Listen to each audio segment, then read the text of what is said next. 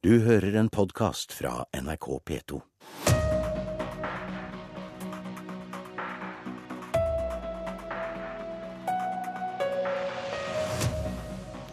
Han syns det kan være vanskelig å vite om det er partileder Siv Jensen eller finansminister Siv Jensen som snakker. Hun sliter med å forholde seg til både Jonas og Gahr og Støre. Det kan bli trangt i studio hvis alle fem er her. Velkommen til Politisk valgkvarter. Siv Jensen. God morgen. Jeg tror vi skal starte med noe der du kan si det samme som finansminister og som partileder. Ja, det gjør jeg i og for seg hele tiden når jeg snakker om skatt. Nemlig at det er nødvendig å redusere det samlede skatte- og avgiftstrykket i Norge. Og det er særlig viktig i en tid hvor vi trenger eh, økte investeringer i norsk næringsliv for å skape nye arbeidsplasser og nye bedrifter. Eller kan partilederen Jensen få problemer med finansminister Jensen når det skal lages et nytt skattesystem? Jeg ser frem til å legge frem eh, en skattereform for Stortinget denne høsten, hvor ambisjonene våre er å gjøre hele skattesystemet mer konkurransedyktig. Det er viktig for våre bedrifter. Men så er det også sånn at når vi skal redusere eh, skatten for bedriftene, eh, så kan vi gjøre det på to måter. Vi kan enten redusere skatten for bedriftene og sende skatteregningen til husholdningene, vanlige skattebetalere. Eller vi kan erkjenne at det er behov for å redusere det samlede nivået, og også gi lettelser til vanlige folk. Og det er eh, mitt og regjeringens utgangspunkt i den situasjonen vi står i. Vi syns det er urimelig eh, å gjøre, gjøre, skattesystemet konkurransedyktig ved å sende regningen til eh, pensjonistene eller vanlige skattebetalere. Så det er ikke partilederen i valgkampmodus som i Dagens Næringsliv i litt over en uke har krevd svar på om Arbeiderpartiet vil være med på skatteletter i en ny skattereform? For en finansminister er vel mer opptatt av et bredt forlik, kanskje? Jeg er, eh, har, inviterer gjerne til et bredt forlik i Stortinget. Men uh, regjeringen har vært veldig tydelig på at forutsetningen for at vi nå skal uh, lykkes med å omstille økonomien vår, skaffe mer kapital til norsk næringsliv, det er at vi letter skattetrykket. Så er det jo sånn at Scheel-utvalget, som har blitt mye omtalt, det ble satt ned av den forrige regjeringen. Da var mandatet til utvalget at det skulle være nøytralt. Og det vil si, det høres jo veldig greit ut. Men det betyr at gir du skattelette til eh, programlederen, så må du gi skatteskjerpelse til eh, Arbeiderpartilederen. For det skal gå i null. Jeg mener det er en dårlig idé, fordi da må noen betale regningen for at vi skal lette skattene for bedriftene våre. Og derfor mener jeg at Arbeiderpartiet ikke svarer. Arbeiderpartiet sier jo at de er eh, interessert i å for så vidt redusere selskapsskatten. Det syns jeg er bra at Arbeiderpartiet vil. Men de sier ingenting om hvem som skal få den høye skjerpede skatteregningen. For det eneste vi vet fra Arbeiderpartiet, er at de i beste fall vil at dette skal være nøytralt. Og i deres alternative budsjett for i år så skjerpet de skattene med 10 milliarder kroner. Det er et dårlig svar eh, på den situasjonen norsk økonomi står i nå. Og du mener de i forkant av en forhandlinger om en skattereform bør kunne si om man skal ende med netto skatteletter?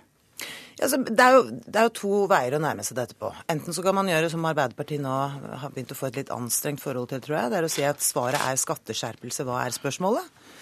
Eller vi kan diskutere det som er de reelle problemene våre. Nemlig at eh, det nå begynner å bli stor avstand mellom det norske skattenivået og land rundt oss. Det representerer en utfordring for vårt næringsliv i forhold til konkurranseevne. Derfor er det viktig med en skattereform.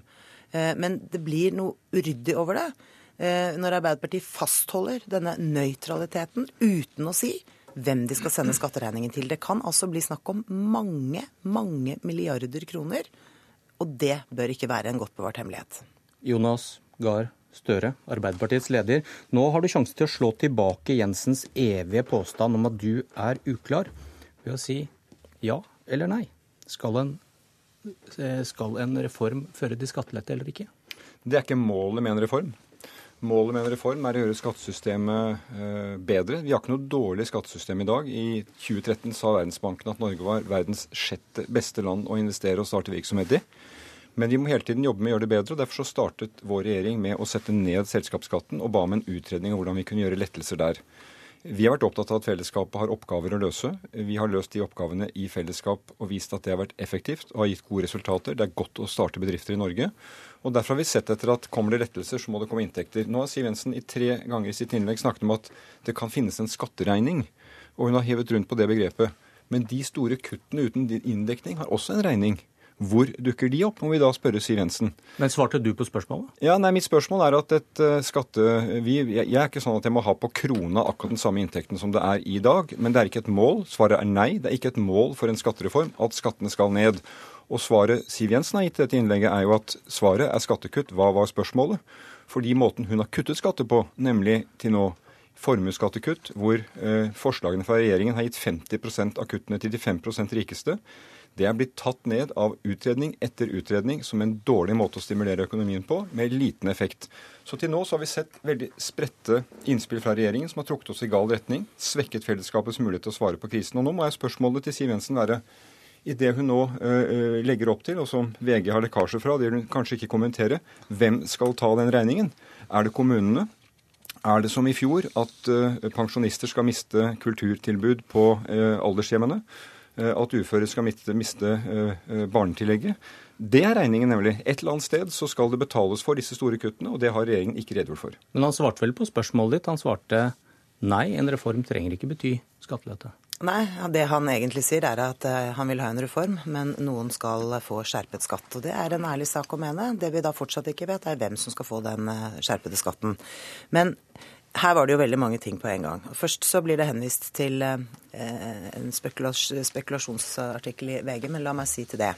Regjeringen har redusert formuesskatten, og det har vi gjort først og fremst av hensyn til norske familieeide bedrifter som jeg mener vi skal være veldig stolt av at vi har i Norge. Og skal vi sikre gode vekstmuligheter for dem også fremover, så må vi også være opptatt av formuesskatt. Og det er rett og slett fordi at utenlandske eiere betaler ikke formuesskatt, men det gjør norske familieeide bedrifter. Men i de kommende budsjett så er det nok ikke formuesskatten som kommer til å få størst prioritet fra regjeringens side. Vi har sagt at vi skal komme med en reform hvor selskapsskatten er en vesentlig faktor. Men vi har også sagt at den skal gi nettolettelser. Det vil også Adror si. At også vanlige folk skal få lettelser. Og jeg mener det er et mål i seg selv. Fordi det vil oppleves som veldig urimelig, tror jeg, fra både pensjonister, vanlige lønnsmottakere og andre, at de skal betale regningen for at vi gir lettelser til bedriftene våre. Større. Så, Men, men, men, men kan du svare på spørsmålet, Siv Jensen? En skatteregning, det er din måte å formulere det på. Men hvem skal da ta kuttregningen? Fordi at når du snakker om kanskje da, Nå skal du få slippe å kommentere VG, du kan gjerne gjøre det om du vil. Hvis det er 2% ned på selskapsskatt, tilsvarende personskatt, så er det opp mot 30 milliarder som blir borte. Hvem skal ta den regningen? Det er jo et svar som er absolutt relevant for husholdninger, for de som har barn i barnehage, for de som ø, venter på ø, sykehusbehandling og kapasitet Hvor, til å gjøre det. hvorfor skal hun svare på det, hvis ikke du svarer på hvor du har lyst til å øke skatten? Jo, men Jeg har lagt fram et alternativt skatte, eh, vi i Arbeiderpartiet et alternativt skattesystem, eh, opplegg for 2015. Der har vi ikke kuttet i, i formuesskatten. Derfor har vi også mer penger til kommunene, som gjør at de kan løse oppgaver. Vi har en milliard mer til sykehusene.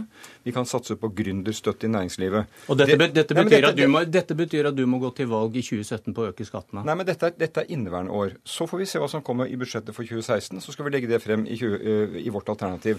Poenget er at når vi venter på en reform som vi satte i gang arbeidet med, så skal vi bidra konstruktivt til den. Jeg har ikke sett veldig mange invitasjoner til å sitte ned og jobbe med den skattereformen som vi har satt før, men greit nok, vi skal forholde oss til det.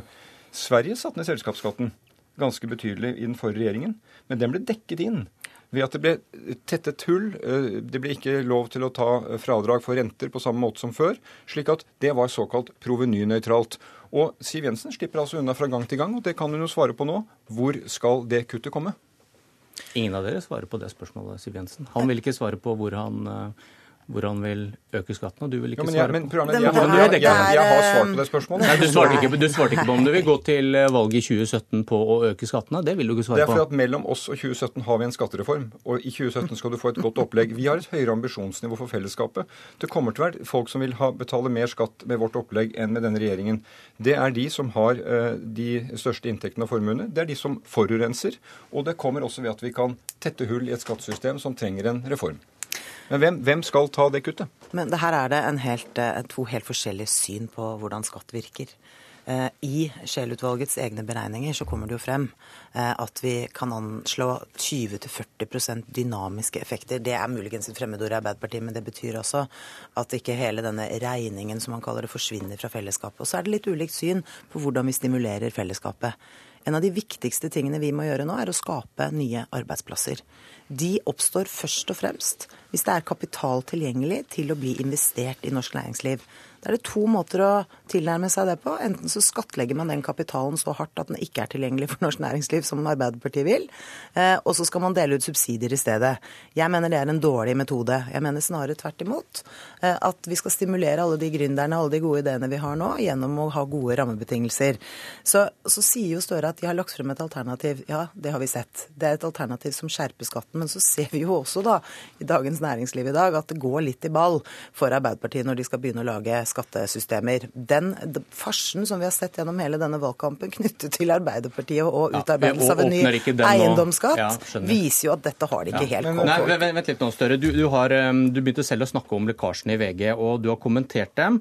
Um, der kommer det fram at regjeringen vil, hvis det stemmer, da, bruke ja, ca. 5 milliarder på å kutte selskapsskatten, som du er enig i retningen på, det har du selv sagt, og mye mindre.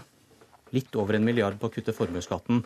Likevel er din retorikk den samme. Ingen kommentar om at nå ser det ut som regjeringen bruker pengene på det du også mener virker? Da har du ikke sett, uh, hørt meg fullt ut, programleder. For at vi uh, har ønsket en utredning som kan vise reduksjon i selskapsskatten. Det skal vi vise også i vårt alternative budsjett. De fortsetter med å kutte formuesskatten, som uh, utredning etter utredning sier har begrenset effekt. Mindre enn før. Men, det, men, men, men svar på spørsmålet. For hvis, hvis dette stemmer, som du også kommenterte i VG, så så bruker du jo da de store pengene på å kutte i skatten til bedriftene, ja, og, og, ganske lite på formuesskatten. Ja, Lika, likevel så bruker du samme retorikk om usosiale kutt i jo, VG. Men, jo, men det er jo fordi at de har altså eh, En tredjedel av skattekuttene til nå har gått til de eh, gått i formuesskattekutt, som vi vet har en veldig skjev profil, og de fortsetter med det. Men nå, etter to år, så kommer det kutt på selskapsskatt. Og det ser vi frem til å se. Vi kan ikke eh, se den fulle konsekvensen i en spekulasjon. Men la meg bare kommentere innlegget fra Siv Jensen nå. Hun sier det at det finnes såkalte dynamiske effekter. Vi er veldig vant med det i Arbeiderpartiet, eh, Siv Jensen, til å se hva det er som virker av investeringer, hva som skaper arbeid. 20-40% Men hun har altså ennå ikke svart på hvem skal ta kuttet. For det eh, du viste nå, programleder, var reduksjon for selskapsskatten. Da er det normalt å anta at det også kommer tilsvarende på personskatt. Vi er oppe da en 20-30 milliarder kroner.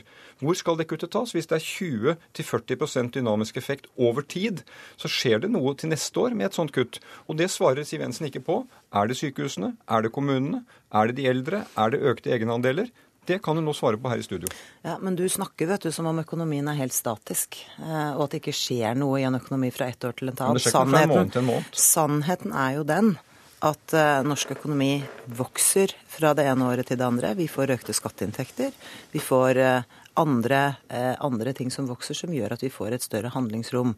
Så jeg tror ikke Støre skal bekymre seg veldig. Vi kommer med et budsjett neste år hvor vi både styrker grunnleggende viktige velferdsoppgaver. Kommuneøkonomi, samferdsel, helsebudsjetter osv. I tillegg har regjeringen varslet en tiltakspakke i den situasjonen vi nå er i, hvor sysselsettingen trenger stimulans. Og vi har sagt at det er viktig med en skattereform som er smurt med lettelser, fordi det er viktig å øke investeringene i næringslivet. Vi, så, men det er klart, hvis man tror at kaka ikke blir større, så skal man jo dekke inn alt krone for krone osv. Jeg er ikke enig i den tilnærmingen. Ka ka ka kakemetaforen er god, for det er den gamle engelske begrepet du skal altså både spise kaken og ha den. Den har dynamisk effekt. Men de store kuttene dere anviser her, uten å si hvor den regninga skal tas, det mener jeg er useriøst. Arbeiderpartiet skal ikke få dette til å balansere krone for krone akkurat sånn som det har vært. Vi har endret skattesystemet alle årene vi satt i regjering. Er villige til å gjøre det fremover også. Men med det bred, som er nå... Bred, bred enighet om en skatteforlik er kanskje ikke tingen å drive med i en valgkamp. Men før, før vi avslutter eh, og går litt videre her, eh, Siv Jensen må bare spørre deg om det. For du vil da ikke kommentere VG-lekkasjene. Men ellers så lekker du som en sil fra budsjettet. Eh, som jeg sa i sted, så er det ingen grunn til å tro at regjeringen kommer til å eh, prioritere formuesskatten som den viktigste lettelsen i de kommende årene. Kan du bekrefte tallene? Eh, nei, det kan jeg ikke. Rett og slett fordi det er mange spørsmål knyttet til en skattereform og til et skatteopplegg som jeg mener det vil være feil å komme med nå. Hvorfor lekker du fra andre deler av budsjettet? Det vi har sagt, er at vi kommer til å komme med lettelser. Både til bedrifter og til vanlige folk fordi det er viktig i den situasjonen norsk økonomi nå står i. Men hvorfor lekker du fra så mye annet i budsjettet?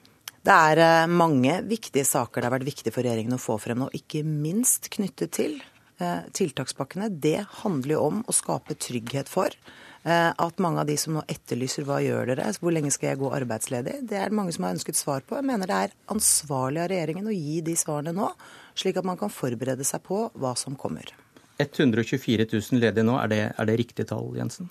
Ja, vi oppdaterer jo anslagene på dette i Finansdepartementet så tett opp til fremleggelsen av budsjettet som mulig. Men det er altså anslag, det er ikke noe vi sitter og, og, og leker med politisk. Det ville være direkte uansvarlig etter min oppfatning. Ja, og til det, det, Målet... går ikke, det går ikke én dag nå uten nye tiltak mot ledigheten fra Arbeiderpartiet eller fra regjeringen. Og Støre, dere la nydelig fram deres tiltakspakke mot ledighet.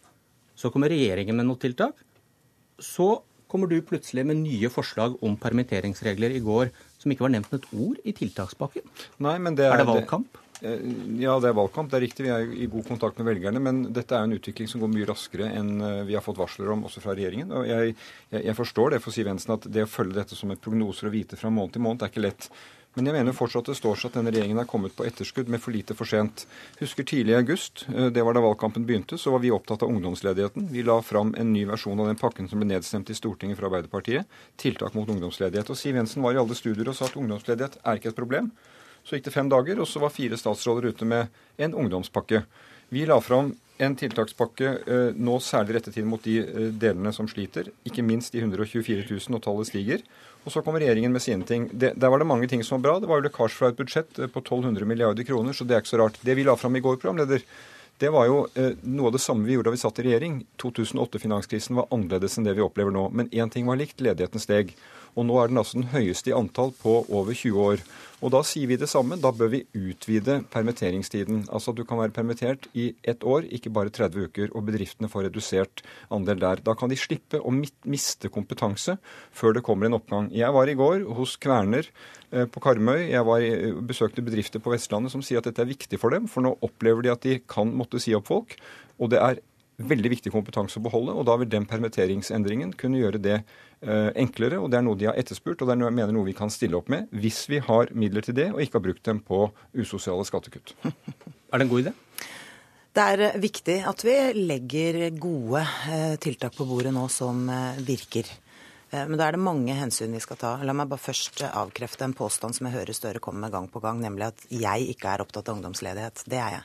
Og Det er derfor regjeringen har varslet en egen tiltakspakke rettet mot ungdom. Det Men du, har... også, du også svarte på Støres angrep eh, tidligere i høst med at regjeringen har gjort det som trengs, og så noen dager senere så kommer det en Nei, bunke med tiltak det jeg, fordi det er valgkamp. Kanskje. Det jeg sa knyttet til ungdomsledigheten, var at det var viktig å gå inn i tallene og se hvordan den faktisk var sammensatt to tredjedeler av dem som nå defineres inn i arbeidsledighet, er studenter som ønsker seg en deltidsjobb. Det er ingenting i veien for å ønske seg en deltidsjobb, men man er altså da ikke i kategorien helt ledig. Eh, men de som er helt arbeidsledige, er jo de vi trenger å bekymre oss for, også blant ungdom. Fordi det er en, en, en, krevende utfordring. Hvis man blir gående veldig lenge uvirksom eh, i tidlig fase av livet, så kan det få store konsekvenser i, eh, for resten av livet. Og Derfor har vi jo sagt at vi må komme med en tiltakspakke som er målrettet i forhold til ungdom. Men så må vi jo ta på alvor all den ingeniørkompetansen vår som nå eh, er blitt arbeidsledig som følge av nedbemanningen i oljeindustrien. Og Der har jo regjeringen vært helt tydelig på at vi trenger alle disse ingeniørene. og Det er bl.a. derfor vi nå forserer aktivitet virksomhet i bygg- og anleggsvirksomheten bl.a. Eh, fordi der vil jo disse ingeniørene kunne gjøre veldig god nytte for seg. Men jeg må si at Støres tilnærming til dette gjennom valgkampen har vært ganske spesiell. Jeg vil si at har, eh, tiltakene deres har eh, en varighet som lag som en liter melk. Vi har altså sittet og jobbet med Eh, dette helt siden før sommeren, basert på grundig gjennomgang av de anslag og de utviklingstrekk vi ser. Okay. Og Det er jo derfor vi også nå er rede til å legge frem en samlet tiltakspakke. En liter melk, Støre? Ja, det er omtrent det jeg drikker om dagen, det, Siv Jensen. Så eh, man blir, en liter? Ja, eh, minst. Oi. Man blir sterk av det. De tiltakene vi la fram, var basert på en grundig konsultasjon og samtale med de som blir berørt, de som uh, mister jobben, de som erfarer hva det er, og bedriftene. Målrettede tiltak. Så kommer det et stort budsjett, og vi skal komme med vårt alternative budsjett. Men poenget er Denne ledigheten har steget, og regjeringen har alt fra den reverserte permitteringsregelverket til det nå kom med tiltak, kommet med for lite for sent. Og når ledigheten nå stiger i Norge, så skal jo vi passe på å lære erfaringer fra andre land. Hvis den stiger for mye, så er den fryktelig vanskelig å få ned. Særlig for de unge. Og derfor var det viktig for Arbeiderpartiet å markere dette. Da vi la frem et budsjett i høst, så sa Arbeiderpartiet at det var for mye for tidlig, og de kuttet oljepengebruken med to milliarder kroner som de satte på fond. Det er ikke summen penger, så, men det er innretningen, sier Jensen. Skjerp, ja, og innretningen var at dere skjerpet skattene med ti milliarder. Det var en. Politisk kvarter er slutt. Du har hørt en podkast fra NRK P2.